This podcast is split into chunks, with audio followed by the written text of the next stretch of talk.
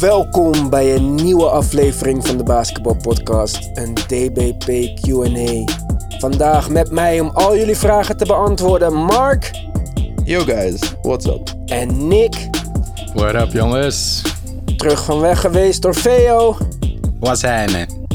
Ja jongens, we hebben weer een hoop vragen binnengekregen, dus laten we er maar snel induiken. Onze eerste vraag van Bram de Lauweren. Jokic is skinny geworden. Wat vinden jullie hiervan?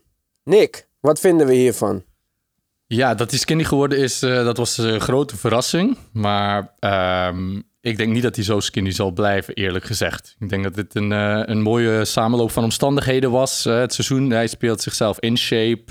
dan komt die corona.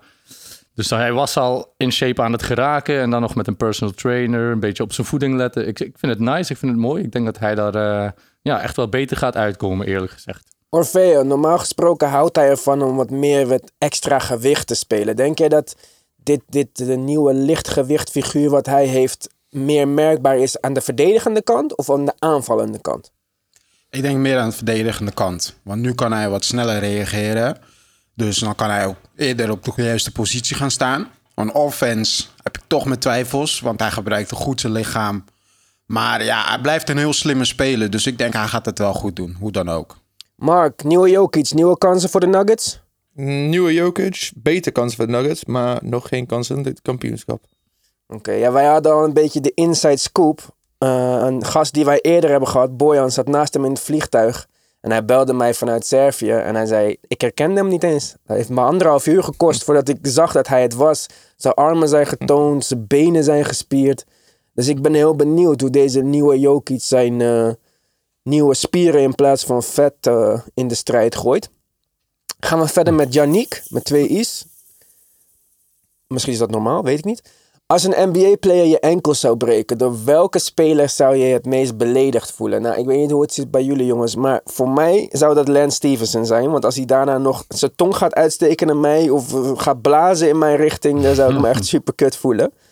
Eh, Mark, wie is het bij jou? Ja, voor mij makkelijk Dwight Howard. Ik denk, zo'n clown, als hij mijn enkel zou breken, zou ik nooit die dag kunnen, kunnen verder gaan. Ik zou gewoon moeten stoppen met podcasten, basketballen en met sporten eigenlijk.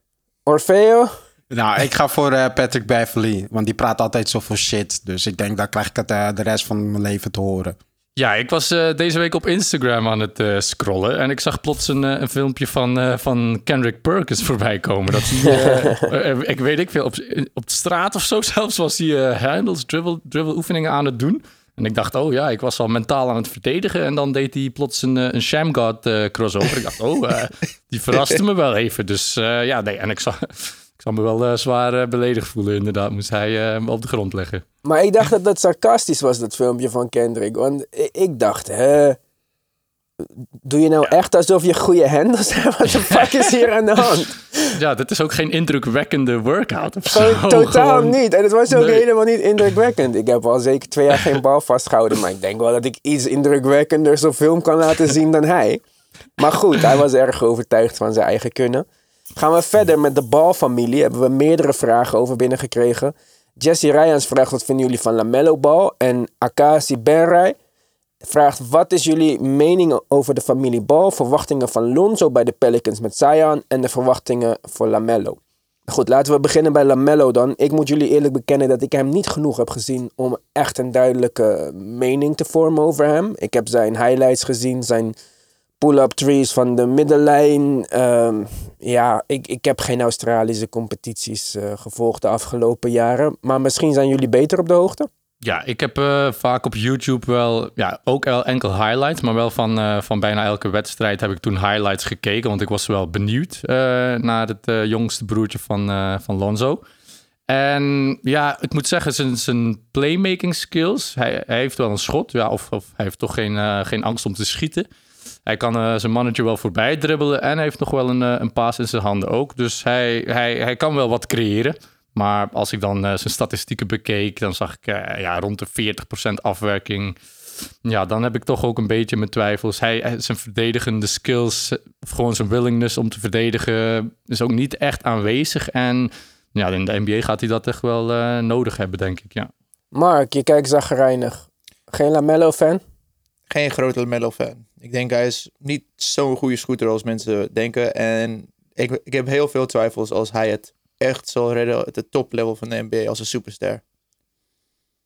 Maar eh, wie zegt dat hij een goede schutter is dan? Want ik heb dat eigenlijk, ik heb daar nooit iets van teruggezien. Orfeo, als jij, moet, als jij zijn sterkste attribute moest kiezen, zijn, zijn beste skill, wat zou je zeggen dat dat is bij LaMelo?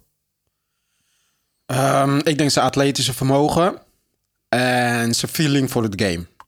Hij, hij, hij snapt wel heel goed waar hij moet passen. Hij maakt soms van die mooie passen dat je denkt van... oh, voor zo'n jonge speler is dat wel indrukwekkend. Maar zijn valkuil is ook, hij wil soms te mooi doen... en hij denkt, hij kan altijd schieten. Ja, maar ja, zo is hij opgevoed, toch? Als je zoveel zelfvertrouwen hebt gekregen van geboorte, dan, eh, ja, dan doe je dat soort dingen, denk ik. Dan gaan we verder met Lonzo. Dat is iemand waar ik een stuk enthousiaster over ben. Misschien in eerste instantie niet die nummer 2 draftpositie waargemaakt. Niet de nieuwe Magic Johnson in LA, maar nu in het veel gezelligere New Orleans eh, toch een plek gevonden. En vooral met Zion vind ik hem abnormaal. Als je die twee samen ziet spelen, Zion hoeft maar een kleine beweging te maken van ik ga draaien en Lonzo gooit die bal. Lonzo is de meest, misschien de meest onzelfzuchtige speler die er op dit moment in de NBA is. Ja, dit is gewoon de John Stockton voor de Malone als je het hebt over Zion als Malone. Lonzo zoekt hem altijd. Als Lonzo off the floor is, zie je Zion soms wegspinnen zonder gevolgen. Hij krijgt de bal niet. Ja, ik, eh, ik eh, vind dat Lonzo het prima doet. En ik denk dat eh, heel veel van het commentaar op hem onterecht is. Mm. Nick, zijn schot is een beetje questionable, zeg maar. Wat Ja, denk je daarvan? Wordt het beter? Of, eh, Ja, zijn schot wordt duidelijk beter. Het schuift, eh, je kan het echt elk jaar een beetje zien opschuiven naar links. Dus het wil echt zeggen dat hij wel bewust is eh, van, de, van de dynamiek, zeg maar, van de ja, techniek die hij ja, toch een beetje ontbrak, zeg maar. Hij, hij trok de bal altijd van de ene kant over zijn gezicht, zeg maar. Ehm, en ja, inderdaad, hij kijkt niet. eh, hij, hij, staat, hij krijgt heel veel ruimte. En hij zit in een veel betere situatie dan naast LeBron in LA. Dat, eh, wat ook wel belangrijk is. Eh, omdat ze toch allebei een beetje spelmakers zijn. Dus, eh, en dat, hebben, hadden ze niet bij, bij New Orleans. Drew Holiday is meer een, een one-on-one scorer. En ja, ook zijn verdedigende skills vind ik heel underrated. Hij is groot, lang en, en, en slim in de defense. Dus ja, Orfeo, eh, Nick noemde net eh, Drew Holiday. Denk je dat dat een goede backcourt mate is voor hem? Ehm, nee, hij heeft echt een eh, scherpschutter uh, naast zich nodig. Want het beste is als Lonzo constant de bal heeft. Want hij zorgt ervoor dat iedereen de bal krijgt. Uh, ik, volgens Lavar is uh, Lamello de beste speler van, de, van zijn kinderen. Ik denk dat Lonzo sowieso de beste gaat worden. Want je ziet elke jaar dat hij groeit. En we moeten niet vergeten, hij speelt de meest moeilijke positie dat je kunt spelen in de NBA. Maar en Lamello elke jaar ook, hè? maakt- Ja, maar ik bedoel, bij Lamello heb ik toch mijn twijfels over... speelt hij om te winnen of speelt hij gewoon om eh, zijn stats te halen? En bij Lonzo niet. Lonzo speelt echt om te winnen. Het maakt hem niet uit of hij nou scoort of niet. Hij zorgt er gewoon voor dat iedereen kan doen wat van hem wordt verwacht. Mark, als, het, eh, als jij het ook met ons eens bent dat Lonzo een goede speler is, heeft hij een andere coach nodig? Heeft hij een coach nodig die nog meer de bal in zijn handen legt? Of zeg je nou, laat eh, Elvin Gentry zijn eh, pensioenjaren maar bij de Pelicans doorbrengen? Ik denk momenteel is Elvin Gentry wel de beste coach voor hem. Maar daar is het tijd, dat ik denk over twee jaar, dat hij misschien een nieuwe coach zoals een Steve Kerr bijvoorbeeld, die echt gewoon hem de kern van het offense zal maken. En dan zullen we echt gewoon het beste zien van, Zion en Lonzo samen, persoonlijk. Ik denk ook dat ze een soort van nieuwe coach nodig hebben, zeg maar. Zoals Don Nelson in de jaren negentig iets nieuws uitprobeerde, denk ik dat je met deze unieke groep, point guard en center, als, Zion, als je Zion als de center ziet, zijn even lang, zowat. er, er moet iets nieuws komen. Niemand is echt een schutter. Het is anders dan de NBA die er nu is. Ik denk dat er met een heel nieuwe aanpak grotere resultaten geboekt kunnen worden. Vind jij dat uh, Lonzo Ball meer de bal nog in zijn handen moet hebben om te creëren dan voor de rest? Ik vind dat Want- op het moment dat eh, hij niet op het veld staat en Drew moet de aanval maken, dat Zion ongeveer Ben Simmons wordt. Hij staat daar te wachten. Als hij de bal niet heeft, is hij useless. En daarom denk ik dat dan de aanvalstrategie, dus niet gewoon de individuele skills van Lonzo zoeken naar Zion elke keer, maar dat dat niet helemaal werkt. En daarom denk ik dat of je moet met een beter teamconcept komen, of Lonzo nooit op de bank zetten. Maar ja, dat is niet echt een, eh, een optie natuurlijk. En ook al vind ik Drew Holiday heel leuk spelen om te kijken, zijn ze één op eens bijna uh, rotstrikkelend-achtig qua moves en zo. Het voegt niet echt wat toe. En hij is niet echt een off-ball shooter. As in Clay, die gewoon helemaal de bal niet nodig heeft. Drie dribbles kan maken en 20 punten kan scoren. Dus daarom denk ik van op het moment dat die twee samenstaan, dat, dan moet Lonzo de bal hebben. Ja, inderdaad. Klopt. ben ik het wel met je eens. Dat dat het enige puntje zeg maar, van kritiek is, van wat niet helemaal mooi in elkaar past, is dat ja, True Holiday niet die creërende speler is en toch ja, een beetje op de point guard positie uh, Ja, zet Drew Holiday in een ander team, in, uh, ja. in bijvoorbeeld bij San Antonio of zo. Poeh, dat zou heel indrukwekkend zijn. Want ik vind hem beter dan DeMar DeRozan, omdat hij hetzelfde kan als DeMar DeRozan. Hm. Alleen dan ook nog eens een keer verdedigen. Ja. Dus dan zou ik denken van daar zou die een mooie fit zijn. Maar in deze situatie, het is een, volgens mij een hele intelligente jongen en een hele rustige jongen. Dus het is een goede mentor voor deze jonge spelers allemaal. Alleen op het veld zie ik het niet als de ideale fit. Ja. Gaan we verder met Jim VW. Misschien rijdt hij een Volkswagen. Hoe zou Shaq's carrière eruit zien als hij de motivatie en mentaliteit van een speler als MJ of Kobe had? Ik denk sowieso tien titels, eerlijk gezegd. Daar, dit was een van de meest dominante spelers zonder die energie en soort van motivatie of killer instinct als Kobe of een MJ zelfs. Denk gewoon, hij had vier tit vijf titels gewonnen. Uh, vier titels, sorry. En als hij gewoon elke jaar zo de inzet had, ik denk makkelijk tien. Hij was gewoon voor tien jaar misschien de beste speler in de NBA. Of je zou de meest dominante speler in de NBA. En dat was zonder die inzet. Dus makkelijk tien. Orveo, tien titels? Nee, zeker niet. Uh, weet je, drie titels winnen achter elkaar is heel zwaar. Je hoort heel veel spelers zeggen van... ja, jullie hebben geen idee wat er allemaal afspeelde in een kleedkamer. Dus tien titels vind ik wel uh, ja, een beetje overdreven. Zes zou ik wel denken van dat is haalbaar. Ik denk persoonlijk dat het uh, verschil in resultaat meer zat in die jaren na de Lakers. Want welke mentaliteit hij ook had gehad, hij en Kobe ja, was gewoon wrijving. Dus Nick, wat denk jij dan als we kijken naar die jaren bij de Heat, waar hij overigens nog wel een titel heeft gewonnen natuurlijk, maar daarna bij de Cavaliers, bij de Suns, bij de Celtics. Ja, Celtics misschien een beetje te laat. Ja, hij had er sowieso wel meer kunnen uithalen. Ik vind um, dat je wel zag dat hij altijd wel een beetje overgewicht meesleurde die laatste jaren. En dat heeft hem echt wel uh, tegengehouden. Als hij uh, twee keer het veld op en af moest uh, rennen, dan, ja, dan, was het al bijna, dan vroeg hij bijna om vervanging, zeg maar. Zoals bij de jeugdspelers hier. Maar ik vind ook dat zijn, zijn, ja, zijn gebrek aan motivatie... vind ik een beetje over, overrated, zeg maar. Ik, ik denk dat hij echt wel want voor mij is het belangrijkste, als je op het terrein staat, moet je gewoon een killer zijn. En dat was hij echt wel. Dus het, enige wat hij naast het terrein dan, dan kon doen, zeg maar, is, is meer op zijn eten letten. Maar zijn persoonlijkheid, die kon hij niet veranderen. En dat, uh, ja. Maar het is ook persoonlijkheid op het gebied van wat wil ik bereiken in mijn carrière. Als jij drie titels hebt gewonnen en je ziet jezelf als de Big Diesel, als Superman, en je zegt ik ben de meest dominante speler in de league. Ja, oké, leuk. Maar je kan dat ook vinden en zeggen: Weet je wat? Ik ben de meest dominante speler in de league. Ik ga de meest dominante speler aller tijden worden. En ik ga acht titels winnen. Of zeven. Eén meer dan Michael Jordan in de, in de recentelijke era's. En dat had hij wel anders kunnen doen door het spel wat serieuzer te nemen. Laat maar even die grappen en het DJ'en en de films en de rappen en de Hollywood. Laat dat maar even allemaal liggen.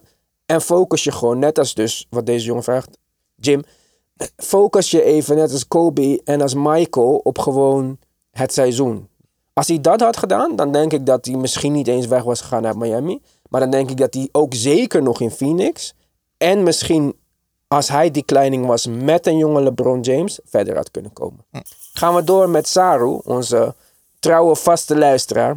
Hij vraagt: Als Kawhi met pensioen gaat, Denk je dat hij iets van zich laat horen? Helemaal niks. Helemaal niks. Geen, geen postkaartje, niks. Het enige wat we dan van hem zien is uh, een selfie die een, eh, een random eh, fan op straat of zo neemt. Heel wazig of zo, want, want hij wilde helemaal niet op de foto staan. Mark, hij is such a fun guy. Waarom zien we Kawhi niet vaker? Ja, ik denk niet. Ik denk na zijn carrière zullen we hem veel vaker zien. Maar hij is een van die. Het lijkt alsof hij een van de guys is. Ik focus op mijn carrière nu. En dan later ga ik andere dingen doen. En ja, Ja, denk heeft hem je? een paar titels gebracht tot nu toe. Dus we zullen het echt zien. Misschien kan hij designer worden. Hij kan goed tekenen. Orfeo, wat zie jij eh Kawhi doen na mooie, zijn mooie, carrière? handte- een mooie handtekening. heeft. Ja, nee, ik zie hem ook niks doen. Ik denk hij gaat lekker gewoon eh, ergens vissen en lekker rustig leven. Zijn kinderen opvoeden en dat is het. Ja. We gaan het zien. Ik denk dat vissen meer eh, Paul George's Ja. ding is. Ik zou het ook wel eh, twee dagen op een boot uithouden als mijn eh babymama vrouw een stripper was. Maar oké, we gaan verder met de volgende categorie. We hebben verschillende mensen die vragen hebben gesteld over onze lievelings- en topspelers. We beginnen met El Greco 24. Die vraagt, wat zijn jullie top drie basketballers in de NBA? Nou, Nick, kom maar hoor. Voor mij Kawhi Leonard op nummer 1. Dan eh, LeBron James op nummer 2. En eh, Kevin Durant, als hij fit is, is voor mij eh, ook eh, de derde meest waardevolle speler in de NBA. Orfeo. Eh The Greek Freak, eh, LeBron James en Kawhi. Mark. LeBron James, Giannis en ook Kawhi. Kawhi, Giannis en Ben Simmons. Mintemakers.ig. Wat is jullie favoriete speler en waarom? Nou ja, ik had net Ben Simmons al in mijn top 3, dus dan kan je wel raden wie de mijne is. Orfeo, jouw favoriete? Eh, LeBron James. Nick, Kawhi Leonard. Mark, Eh, het is tussen Jason Tatum en Russell Westbrook, maar Russell Westbrook. wie is volgens jullie de beste speler die nu speelt? Ja, eh, dat is LeBron James. Dus het blijft, is de king. Giannis Antetokounmpo is de beste momenteel. Ja, mijn antwoord blijft ook gewoon Kawhi Leonard. En we gaan eh, wel zien na dit seizoen of de komende seizoenen wie er eh on top uitkomt, zeg maar. Ik sluit me aan bij Nick. Meest dominante speler on both ends is Kawhi Leonard. Dan gaan we verder met Mart TV 2001. De vorige was van Manolus 0297 trouwens. Moeten we wel even iedereen benoemen natuurlijk. Mart TV 2001. Nee, niet niet Mart TV. Is het Mart TV of Mart V 2001. Top 5 all-time oppositie beste team dat je kan samenstellen. Nou, Mark, let's go. Bill Russell, Bill Russell Larry Bird, Jason Tatum, alle Celtics erin of... eh, Bill Russell als center, Tim Duncan als power forward, LeBron James als small forward, Matt Jordan als shooting guard en dan Jerry West als point guard. Jerry was, was ook een shooting guard, maar dat geeft niet. Je mag doen wat je wil. Orfeo. Eh, Steph Curry, eh, MJ, LeBron James, Tim Duncan, Hakim the Dream. Nick.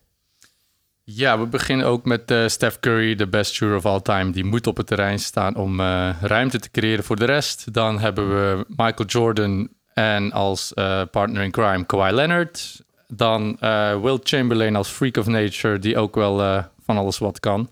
Op de vier spot. En dan eh, ja, Shaq, gewoon omdat hij ook niet te stoppen is op de vijf. Oké, mijn line-up zou zijn Magic Johnson, Michael Jordan, Kawhi Leonard, Tim Duncan en Hakim Olajuwon.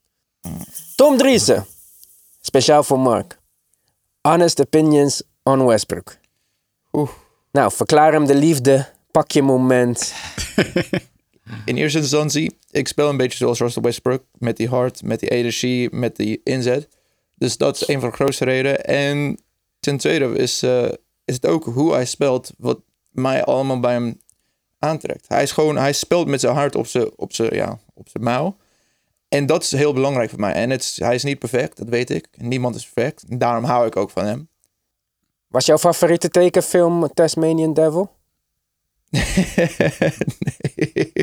Maar dat is een beetje hoe onbedachtzaam Russell Westbrook speelt, naar mijn Wat- mening. Welk spelletje was het? Wario of zo? Dat je zo door de muren moest eh, rammen. Ik weet het niet, maar dat doet me er ook aan denken. ik vind dat Russell Westbrook heeft misschien na LeBron James de meest God-given eh, fysieke abilities, om het maar in heel mooi Nederlands te zeggen. Alleen, ja, zijn schotkeuze is misschien een van de slechtste van alle topspelers in de NBA. Defensively heeft hij ook alle tools. Laat hij het ook niet echt zien. Het kan nog veranderen. Misschien zien we de komende vijf jaar met een afname van uh, atletisch vermogen, een intelligentie naar boven komen die we nog niet eerder hebben gezien. Maar tot nu toe zie ik hem niet als een dragende kracht bij een kampioenschapteam. Nick, jij? Ja, ik heb hem uh, zien binnenkomen bij de Oklahoma City Thunder. En ik had wel hoge verwachtingen. Uh, ook met de rest van het team, Kevin, Gar Kevin Durant en James Harden erbij. En ja, ik heb heel veel wedstrijden gekeken. I respect his hustle. Elke wedstrijd geeft hij 200%. En dat denk dat er weinig spelers hem dat nadoen op dat niveau, zeg maar. Um, maar ja, het stoort me zo erg dat hij op het einde van de wedstrijd toch zelf dat beslissende schot wil nemen. Terwijl er gewoon, ja, het is niet gewoon, het is niet de meest verstandige keuze. En dat, uh, ja, dat het is niet echt winning basketbal. En daardoor heeft hij, ja, heb ik hem toch een beetje afgeschreven. En zou ik hem niet uh, bij hem in het team willen. Orfeo, zou jij hem in je top 10 zetten? Hij is All-Star. Uh. Hij is een MVP-kandidaat geweest in ieder geval. MVP-winnaar trouwens.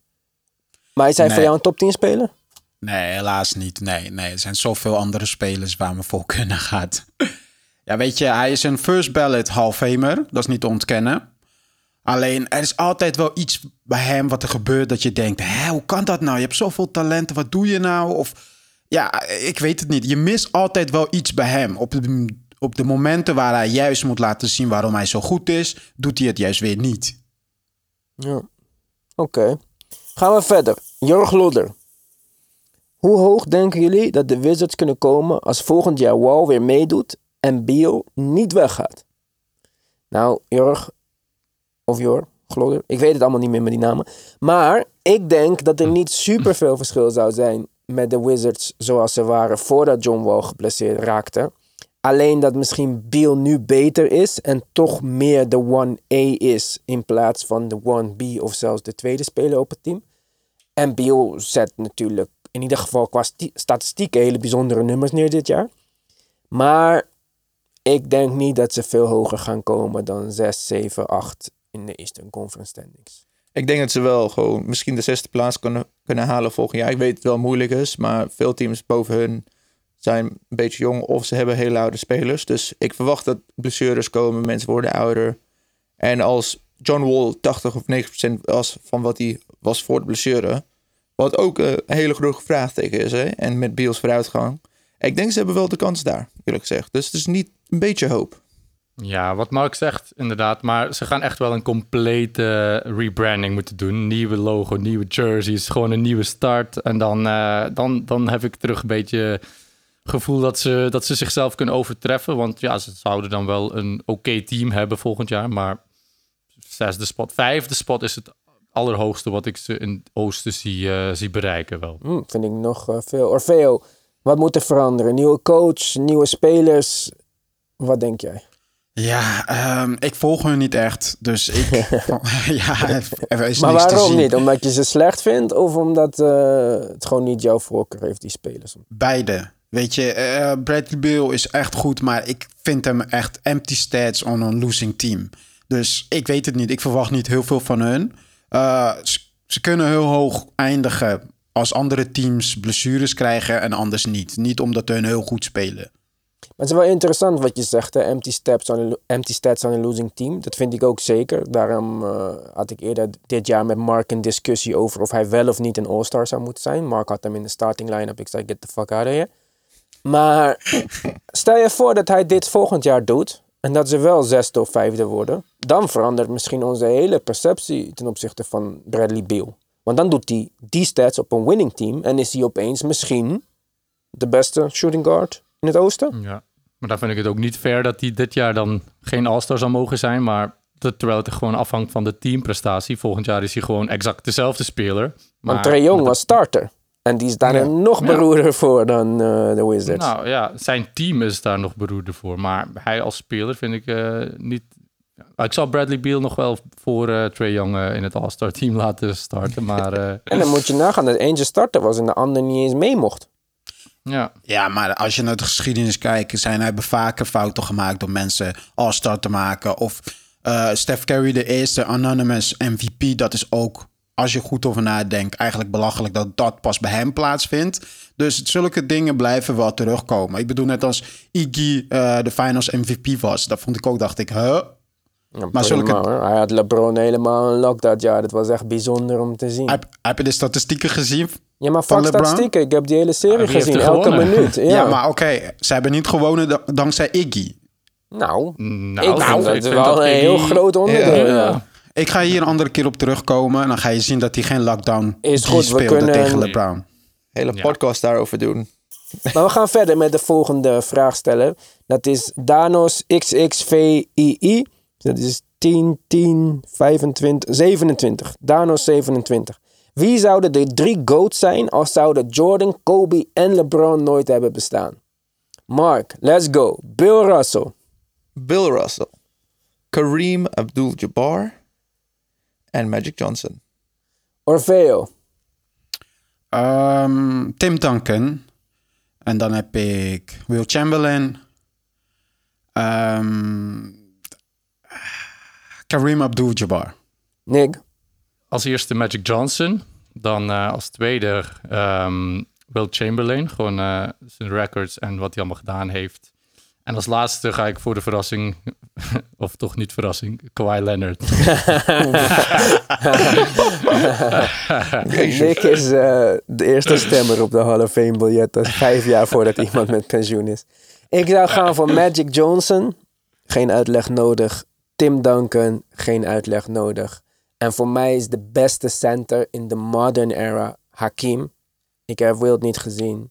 Ik vind Karim heel indrukwekkend. Maar ook dat heb ik niet echt meegekregen. En Bill Russell, ik ken hem alleen sinds hij grijs is. Ik heb geen idee hoe die eruit zag, hoe die bewoog toen hij nog jong en eh, vitaal was. Dus dat zijn mijn drie picks. En ja, voor de vaste luisteraar ook geen verrassing dat ik eh, elke keer maar weer op Hakim terugkom. Goed jongens, dat was hem voor deze keer. Als jullie vragen hebben, kunnen jullie die sturen naar ons e-mailadres. Dat is de basketbalpodcast.gmail.com Of stellen op onze Instagram, At de Basketball Podcast. op Facebook. Eh, t- de Basketball Podcast. Je kan het proberen op Twitter, maar daar kijken wij niet echt, dus beter van niet. Dan zeg ik voor vandaag dankjewel voor het luisteren en tot de volgende keer. Later. Yo guys. Later.